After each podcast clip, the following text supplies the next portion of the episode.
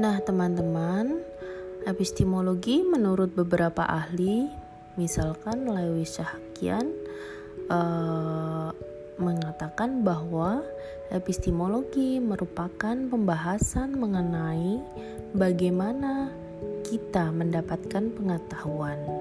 Jadi, apakah sumber-sumber pengetahuan, apakah hakikat, jangkauan, dan ruang lingkup pengetahuan, sampai tahap mana pengetahuan yang mungkin untuk ditangkap manusia.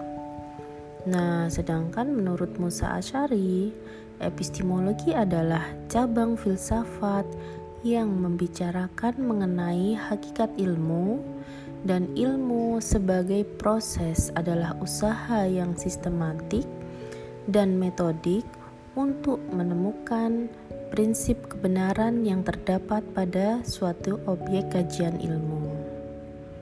Nah, sedangkan menurut Hadi, epistemologi adalah cabang filsafat yang mempelajari dan mencoba menentukan kodrat dan skop pengetahuan pengandaian-pengandaian dan dasarnya, serta pertanggungjawaban atas pernyataan mengenai pengetahuan yang dimiliki. Sedangkan epistemologi menurut Dewi Hamlin adalah cabang filsafat yang berurusan dengan hakikat dan lingkup pengetahuan, dasar dan pengadaian-pengadaiannya, serta Secara umum, hal itu dapat diandalkan sebagai penegasan bahwa orang memiliki pengetahuan. Sedangkan menurut Runs, epistemologi adalah cabang filsafat yang membahas sumber, struktur, metode-metode, validitas pengetahuan. Sementara itu, Azumardi Azra menambahkan bahwa Epistemologi sebagai ilmu yang membahas tentang keaslian, pengertian, struktur, metode, dan validitas ilmu pengetahuan. Walaupun dua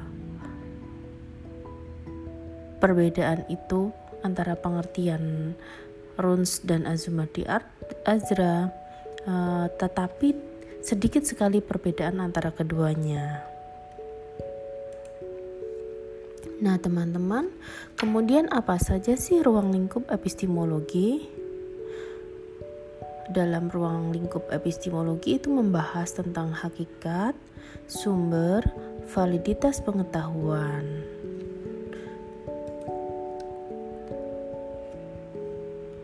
Namun, uh, dalam penyeder penyederhanaan makna epistemologi itu bisa dikatakan bahwa epistemologi berfungsi memudahkan pemahaman seseorang terutama pada tahap pemula untuk menganalisis sistematika filsafat khususnya dalam bidang epistemologi.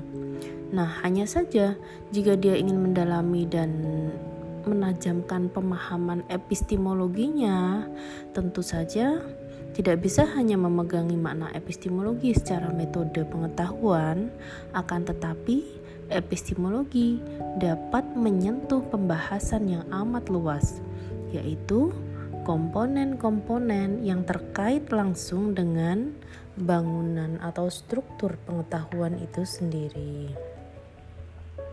Nah, kemudian apa sih objek epistemologi itu sendiri? Objek epistemologi dikatakan berupa uh, segenap proses yang terlibat dalam usaha kita untuk memperoleh pengetahuan.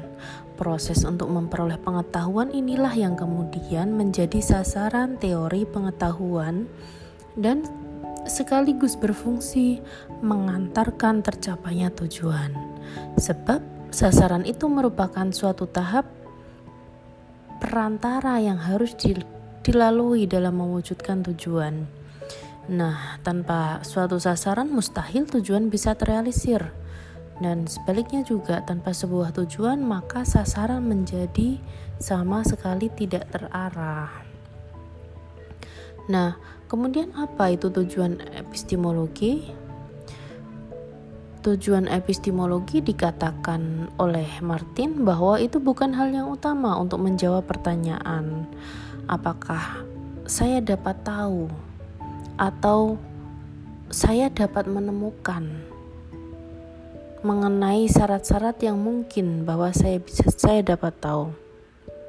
Nah, hal tersebut menunjukkan bahwa epistemologi bukan untuk memperoleh pengetahuan, Walaupun keadaan ini tak bisa dihindari bahwa tujuan dari filsafat sendiri adalah memperoleh pengetahuan, akan tetapi menjadi pusat perhatian dari tujuan epistemologi adalah lebih penting dari itu.